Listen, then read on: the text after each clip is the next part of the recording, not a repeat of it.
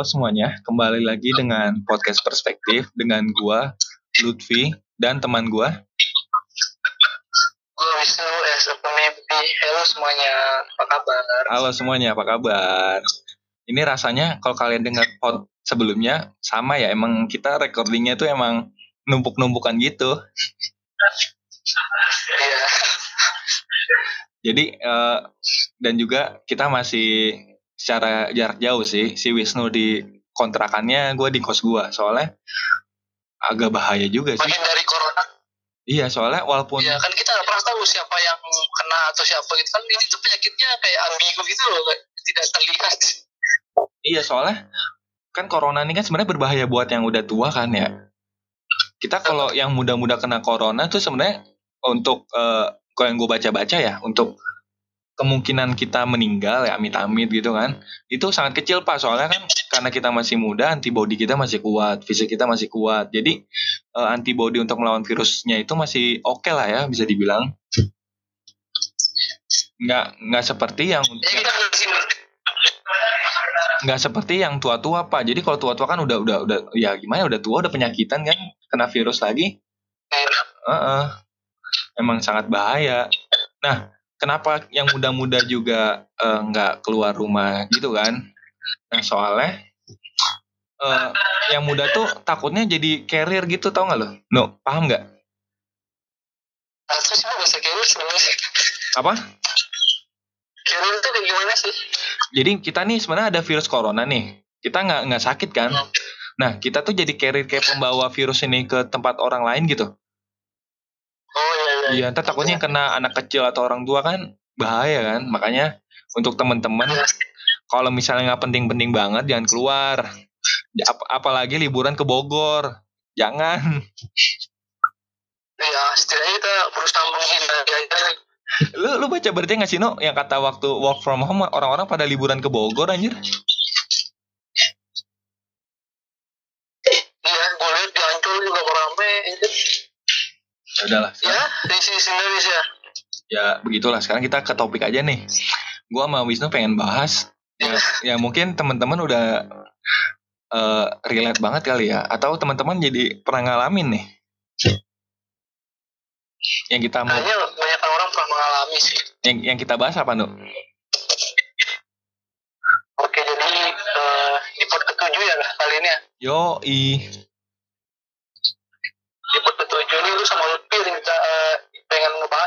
bullying. Anjay. bullying nih lagi rame-rame banget nih. Apa itu bullying menurut lu? Bullying tuh sebenarnya bercandaan yang berlebihan pak bagi gua pak. Contohnya, Contohnya misalnya kalau zaman gua kata-kata nama orang tua pak. Cuman dilebih-lebihin misalnya nih. sama sih. Cuman kalau misalnya gua misalnya dipanggil, nah kan nama bapak gua kan Safarudin kan.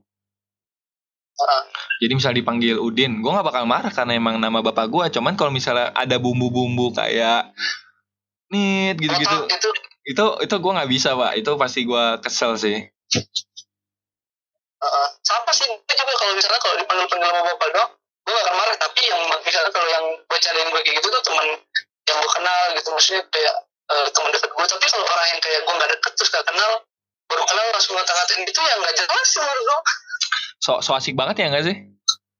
iya itu so asik banget sih Emang kalau kalau kalau dari lu definisi bullying tuh gimana pak? kalau definisi bullying kalau dari gue sih ya itu kalau menurut gue kalau bercandaan sih enggak kali ya ibaratnya kalau berc- bercandaan eh, kalau bercandaan sih enggak sih kalau kata gue mah Apa-apa? Sorry sorry nggak dengar gua. Eh, kalau menurut gue bullying itu kalau dibilang bercandaan juga enggak maksudnya enggak pure bercandaan banget gitu tapi kalau bullying itu menurut gue kalau sudah menghina ibaratnya kekurangan fisik gitu loh Oh fisik ya lebih berarti lu ke arah fisik ya? Iya, kalau gue sih misalnya kayak eh kok hidung lu lubangnya cuma satu gitu. Itu lu gimana? Pengalaman lu bullying bullying tuh gimana nu? Sejak kapan? Sebenarnya kalau gue sih eh kalau ngomongin bullying ya, gue baru kalau sekarang ini gue mau dikatain apa juga gue bodo amat kalau sekarang ya. Tapi karena dulu belum memiliki pengalaman banyak terus maksudnya baru pertama kali merantau terus udah dikata-katain sama orang itu dikatain sekecil apa pun pasti gue kayak baper gitu loh. Karena pengalaman gue tuh intinya main gue misalnya tuh baru sedikit yang orang yang gue kenal main kompetisi segitu segitu aja gitu. Jadi kayak baper banget orangnya dulu kalau sekarang mah gue dikatain apa juga ya biasa aja sih gue gitu. Kecuali kalau udah ngomong keluarga tuh baru gue terima kalau gue kalau gue dulu sempat dibully atau bully atau nggak tahu nggak ya namanya tapi gue ngerasa ini bullying sih. Waktu gue SMP dulu tuh gue kan anak kampung nih. Ah, dulu anak anak kampung banget dah anak gunung gitu. Nah terus gue masuk SMP di kota dan SMP gue salah satu SMP favorit lah di kota itu di kabupaten itu di ya di kabupaten itu sih di provinsi itu juga salah satu SMP favorit RSBI lah dulu tapi gue gak masuk yang RSBI sih.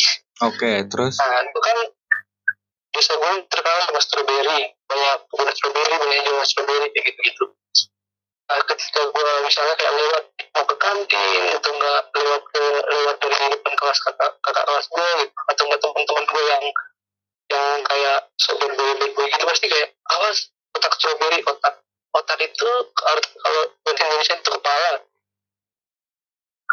tahu kan lu otak iya iya terus sih otak ah ah. terus terus terus Nah, ya gitu gue misalnya mau ke kantin nih terus lewat lewat depan ke, ke kelas kakak kelas gue gitu nggak lewat depan kelas orang-orang kota. Berarti ngatain kayak gini. Terus otak strawberry mau lewat, si sembalun mau lewat, si sembalun otak strawberry mau lewat gitu. Gue dari saat itu kan baru pertama kali ngerantau, bayangin aja nih bocah ingusan kelas satu SMP, gak tau apa-apa, ibaratnya itu gak tau kehidupan kota, gak ngerti apa-apa. Terus diajak-ajakin kayak gitu, anjir. Ya, gue kayak anjir kok gini banget sih anak-anak sini gitu Pernah Hmm. juga waktu itu tuh kakak, kelas gue, kakak kelas gue tuh keangkat gue nih, baju gue diangkat, terus gue dimasukin bak sampah, terus diketawain-ketawain anjing. apa apa yang dimasukin tong sampah Oh, diangkat gitu, terus dimasukin Lu? sampah. Lu?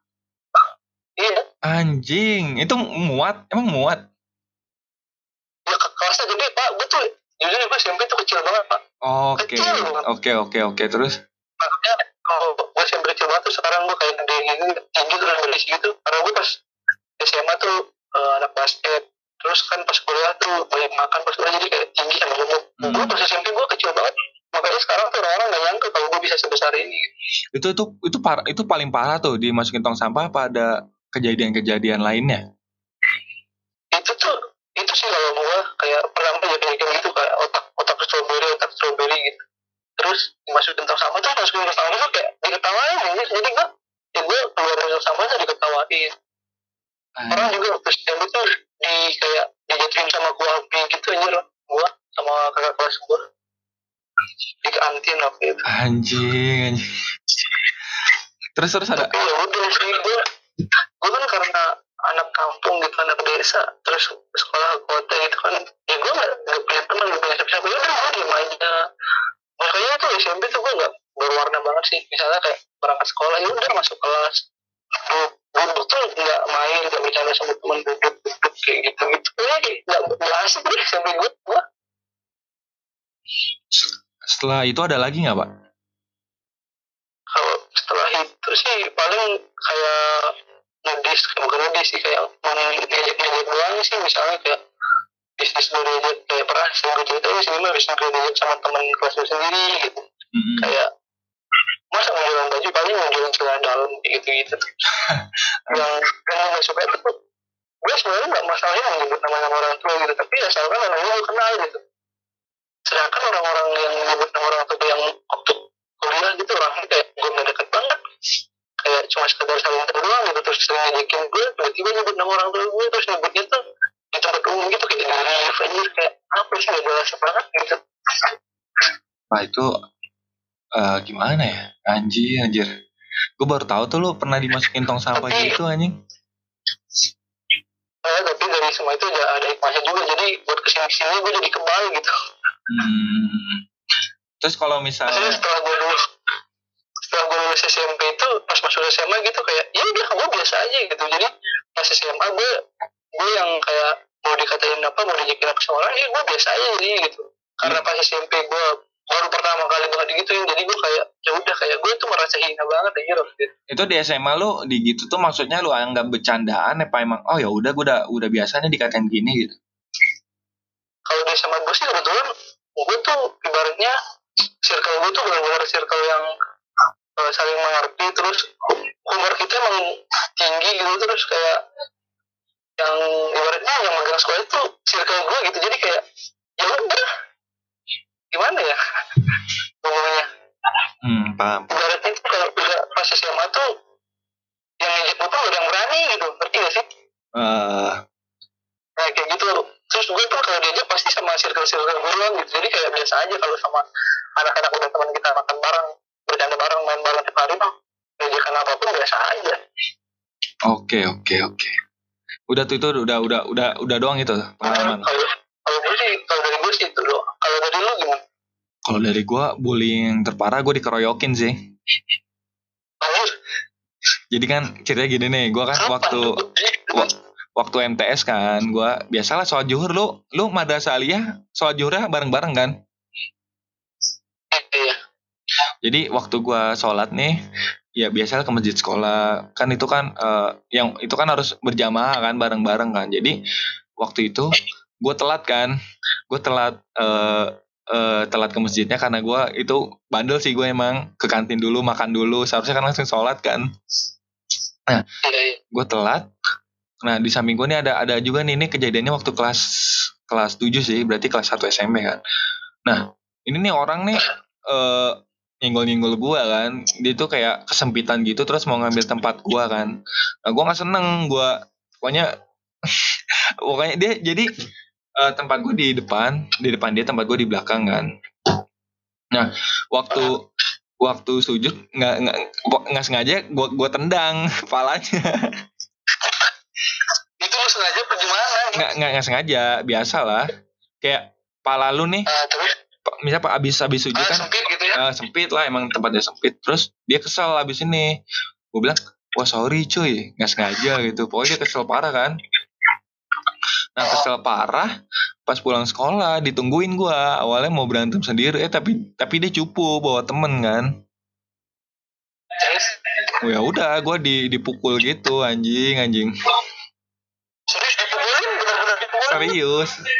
Waktu itu gue masih cengeng sih gue waktu itu gue masih cengeng jadi eh, pas pulang sekolah gue nangis anjing anjing. Itu itu baru buat kelas 1 SMP sih masih semester Iya, wajar lah anjir masuk SMP mah maksudnya kayak kita tuh baru benar-benar kayak tumbuh gitu loh. ya jadi abis itu eh, biasalah orang tua datang ketemuan ya udah saling minta maaf kan. Ya udah gue juga nggak ya udah udah saling minta maaf. Jadi gue sama tuh orang tuh udah nggak pernah ketemu tuh masih nyapa nyapaan tapi tapi masih membekas sih. Ya orang nih yang pernah mukulin gue kayak gitu tapi ya udahlah Ya pasti lah. Kayak itu tuh kayak apa ya memori yang gak akan bisa dilupain lah menurut gue mah kayak yang begitu-begitu kayak gue dimasukin ke box apa diajakin gitu gak akan gue lupain Hmm. Jadi semenjak itu gue waktu MTS tuh gue ikut silat setahun kan membela diri gitu. Anjir. Anjir. Gue mah gak pernah kepikiran ke sana gue begitu. Terus habis itu eh udah sih, gue mungkin kalau bullying yang yang bener-bener bullying tuh bagi gue itu doang sih. Sisanya paling kayak canda-canda gitu. Maksudnya kayak kata-kataan orang tua paling ya bercanda berlebihan aja sih. Kalau bagi gue. Heeh. Iya, iya. tapi kalau kalau yang gue baca-baca sekarang ya, orang tuh mulai mulai itu kayak benar-benar sensitif banget sekarang kayak cuma misalnya ada yang upload foto gitu terus ada yang komen kayak kok gendut terus kalau udah kalau udah apa eh apa sih namanya misalnya kayak kok gendutan gitu terus kok pipinya jadi gini-gini kok hidungnya gini-gini gitu itu katanya udah masuk bullying sih kata orang-orang. Tapi kalau gue sih misalnya gue digituin sama orang gue biasa aja sih kalau gue Kalau lu tapi sebenarnya balik lagi ke orangnya sih kalau kalau lu udah pengalaman ya, ya bukan pengalaman sih tapi udah udah mungkin udah dulu ya udah duluan dikatain. Jadi pas akhir-akhir ini dikatain biasa aja kan.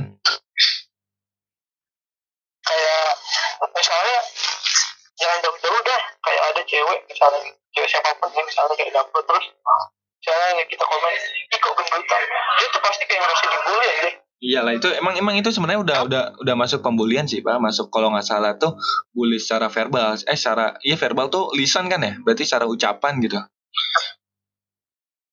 Dan menurut gua uh, bully secara uh, ucapan atau verbal kayak gitu menurut gua lebih parah pak. Soalnya ini ngaruhnya tuh ke mental korbannya iya iya iya. Jadi kalau menurut gua uh, uh, gimana maksudnya uh, luka ada luka mental sama luka fisik itu lebih parah luka mental sih pak. Iya benar. Soalnya kalau kayak luka fisik tuh benar-benar bisa disembuhin gitu loh maksudnya.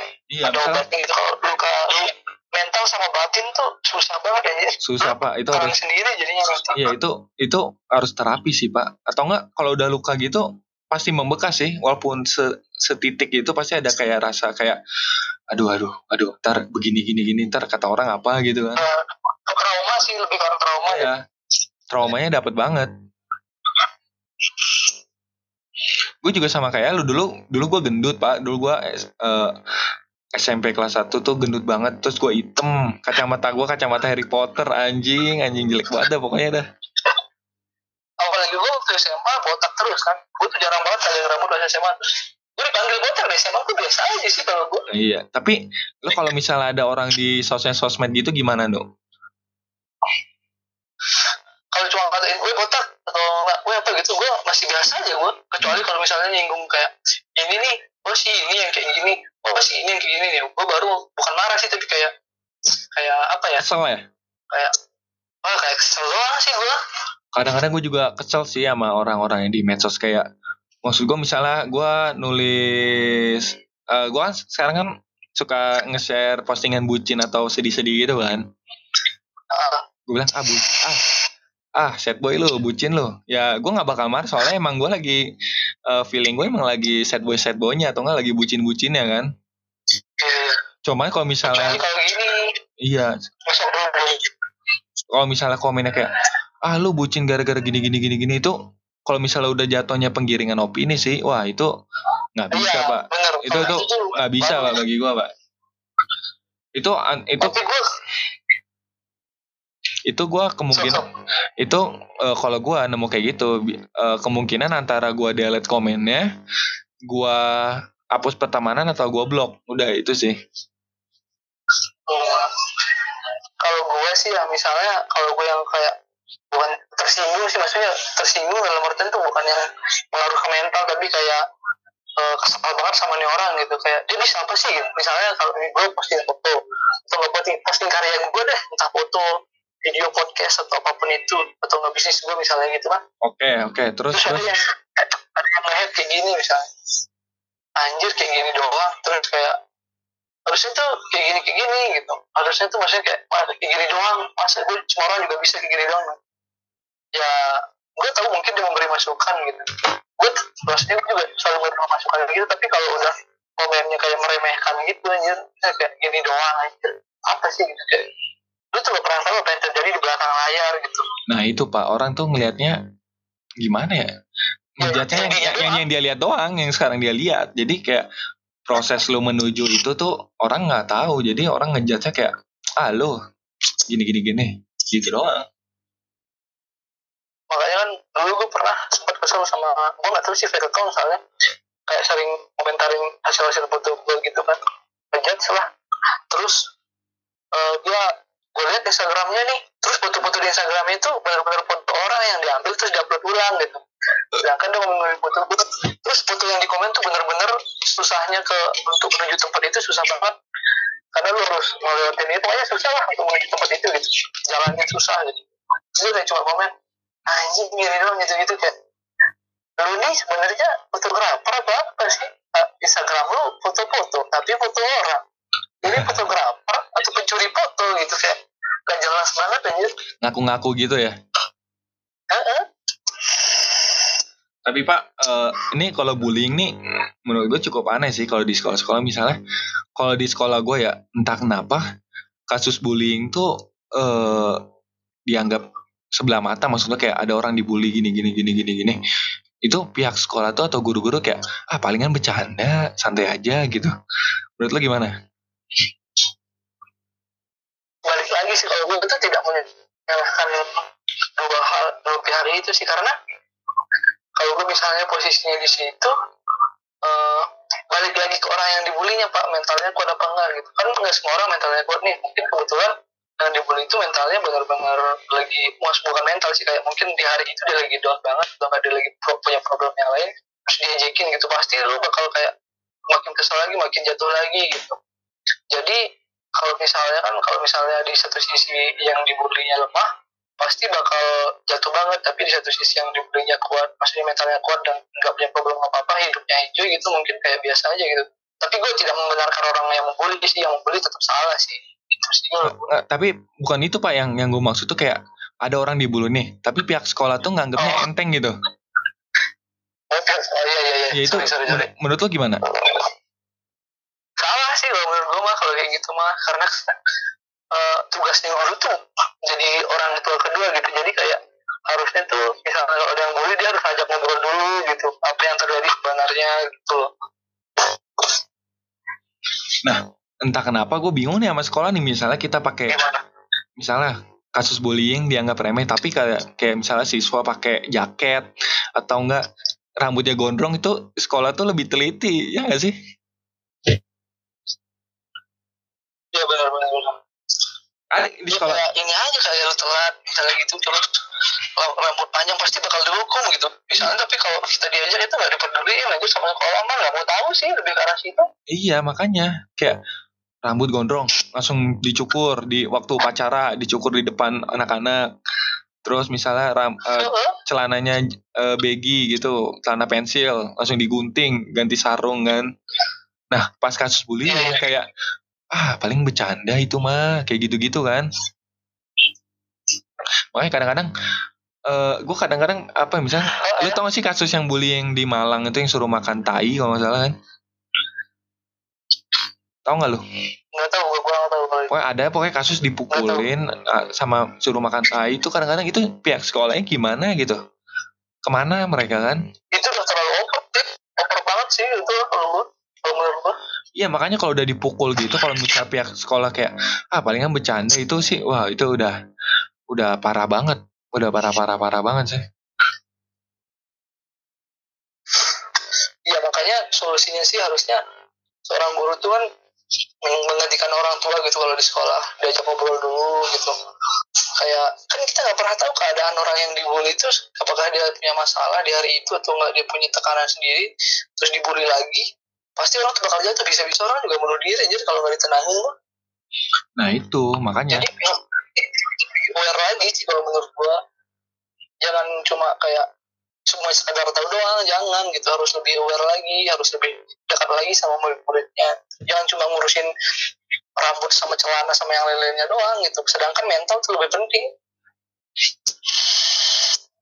Nah itu gue mikirnya kayak kenapa sih guru-guru tuh ke kayak kekurangan empati gitu buat buat siswa-siswanya? Soalnya uh, kenapa ya? Kayak guru tuh kurang peduli atau kurang kayak mengenal siswa-siswanya gitu. Jadi kayak ya, ya yang nggak tahu ya kayak yang gue tangkep uh, kayak guru datang ke kelas ngajar ya udah se se sebatas itu aja. Jadi tidak ada porsi mendidiknya gitu lah kan sebenarnya kalau kalau kata gue sebenarnya kita sekolah tuh bukan lebih ke belajar lebih ke mendidik karakter gitu iya. Emang sini uh, bullying tuh emang nggak tahu ya pasti entah kenapa banyak yang ngerasain sih dan dan ya tergantung orangnya. Kadang ada orang yang bullying nggak kuat bisa sampai-sampai amit-amit ya misalnya iya makanya. bunuh diri gitu kan itu uh, kasihan sih apalagi kalau pihak sekolahnya nggak tahu kan itu bahaya banget anjir apalagi kalau tahu tapi nganggapnya bercanda. Waduh. Uh, makanya mungkin kalau kata gue sih sebenarnya kalau setelah mengajar gitu kan guru atau enggak siapa pun itu mengajar gitu harus ada pendekatan lebih gitu loh. Jangan cuma di kelas tuh kayak cuma belajar belajar doang. Kan kita pun kalau cuma belajar doang pasti bosan pak. Kayak ya tuh butuh pendekatan. Kayak guru tuh harus tahu gitu ini anak si ini nih gimana sih karakternya? Gitu. Mungkin nggak bisa ngapalin semua tapi harus yang mencolok-colok lah diapalin atau nggak yang gimana gitu. Benar benar benar benar benar. Penting soalnya.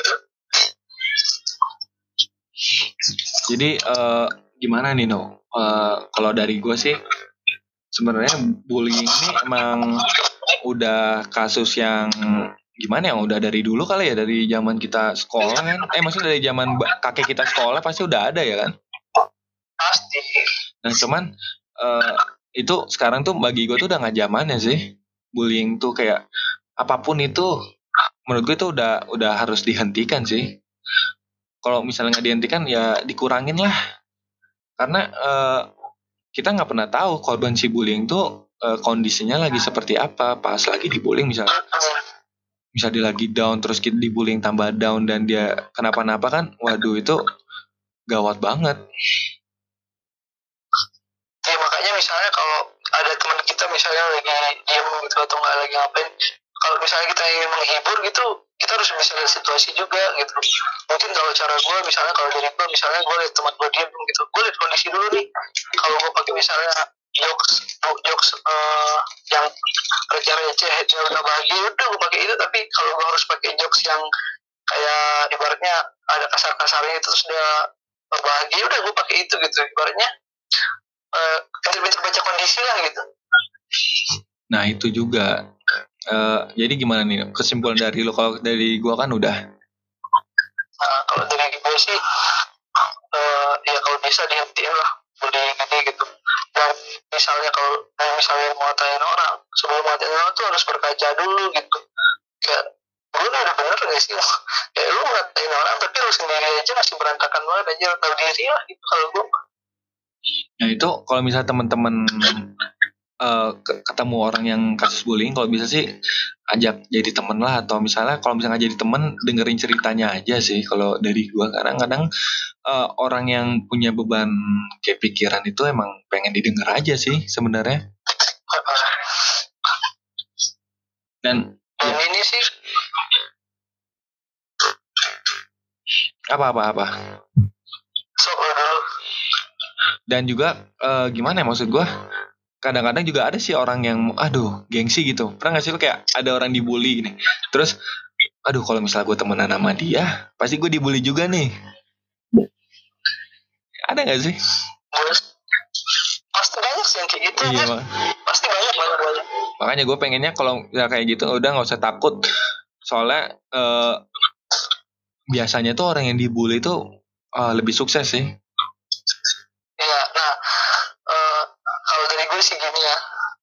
masalah ini terakhir nih.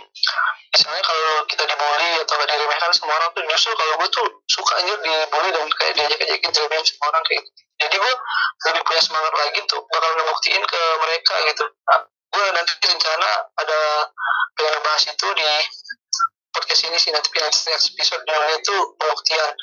Dan kalau misalnya kalian dibully gitu ibaratnya dibully terus sama si uh, pokoknya orang itu yang bully kalian udah di, dibiarin dulu. Diingetin dulu jadi ketemuan dulu pelan-pelan. Kalau emang dia udah nggak mau ya udah. Berontak aja sih kalau ketemu karena kalau orang yang bully terus dijamin pasti bakal makin senang aja iyalah. Biasanya kalau orang bully udah udah dimin aja. Soalnya kalau misalnya lu tanggepin itu tuh sebenarnya kayak uh, dia tuh cari perhatian lu. Semakin lu tanggepin dia semakin senang makanya kalau ada orang bully ya udahlah keep keep calm aja. Santuy makanya. Tapi kan nggak semua orang bisa santai gitu pak. Jadi yeah. ya gitu sih menurut gue gimana kita menyikapinya aja. Oh ya saran gue mungkin kalau misalnya lu di di suatu pergaulan dibully lu cari teman yang bisa nerima lu aja sih. Lu nggak usah pikirin ya, dia dia dia di oh gue kalau di sini bully lu nggak usah pikirin itu lu cari teman lain aja gitu. Ya karena yang ya cuma dia doang anjir dan pasti kalau misalnya di circle lu atau nggak di kelas lu ada yang lu lu udah lu diemin aja terus lu tetap aja uh, on track on track aja gitu. Tetap sama mimpi lu tetap fokus. Someday pasti bakal nyari lu lagi buat minta maaf atau entah minta kerjaan atau entah minta tolong. Intinya pasti ada waktunya dia bakal balik ke lu. Kayak gitu sih kalau kata gue mah. Karena gue pernah mengalami itu gitu. Jadi ya eh tadi lu mau mau ngomong apa yang episode terpisah? Mau bahas apaan? Nanti di episode terpisah kalian di nggak tahu lah pot apa pembuktian namanya judulnya kalau dari oh oke okay, oke okay. itu menarik sih jadi ya. teman-teman yang dengerin ini dan uh, lagi down, lagi jadi korban bullying, gue cuman mau ngomong uh, teman-teman nggak sendirian kok. Jadi kami kami ini udah pernah ngalamin dan kalau misalnya teman-teman butuh teman cerita, sok ke gua boleh. Gak tau deh kalau Wisnu mau nggak ya? Silakan aja, tapi kalau kopi kalau mau lebih cepat mah langsung di Instagram podcast perspektif aja gitu, apa DM aja ke situ. Tapi uh, gua mau Wisnu nggak. Kita bakal baca kok. Iya, tapi gua sama Wisnu tuh nggak menjamin masalah selesai kita cuman bakal janji bakal dengerin lu ceri dengerin cerita lu dan jadi pendengar yang baik aja ya jadi begitu ya mungkin kalau saran dan solusi pasti kita bak iya iya. Kalau ada saran sama solusi ya insya Allah bakal kita bagiin. Jadi uh, thank you banget yang udah dengerin pod ketujuh ini tentang bullying. Semoga uh, harapan gue sih yang namanya gini-gini bullying tuh diminimalisir lah. Soalnya udah zaman peloncongan-peloncongan bullying gini udah nggak zaman sih. Udah buka udah bukan eranya lah harapan lo apa nu kalau harapan gue sih ya sama jangan sih intinya tuh kayak lebih kita tuh saling menerima apa adanya lah semua gitu jangan ada uh, sisi-sisi gitu kayak sama siapa pun berteman gitu. Terus kalaupun mau menghina menghina jangan lah gitu kalaupun mau menghina juga atau menghina menghina sih bercanda lah ibarat gitu lu lihat kondisi orangnya atau atau itu mungkin udah teman dekat lu intinya jangan lu mencoba apa bercanda sama orang yang baru kenal. Itu kan semua orang tuh nggak apa ya nggak sesuai sama apa yang lu pikirin gitu. Dan pesan gue terakhir sih buat kalian korban bullying atau apa pun itu yang mendengarkan podcast ini tetap semangat kalian nggak sendiri. Pasti banyak orang juga di luar sana dan gue pun dan lebih pernah mengalami hal itu tetap fokus sama mimpi kalian.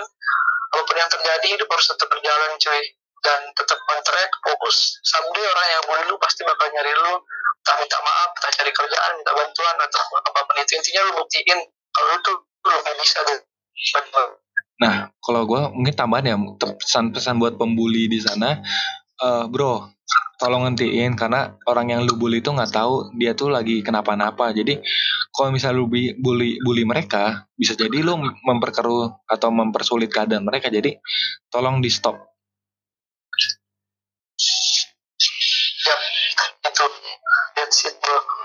Jadi uh, thank you banget again yang udah dengerin podcast dari kami.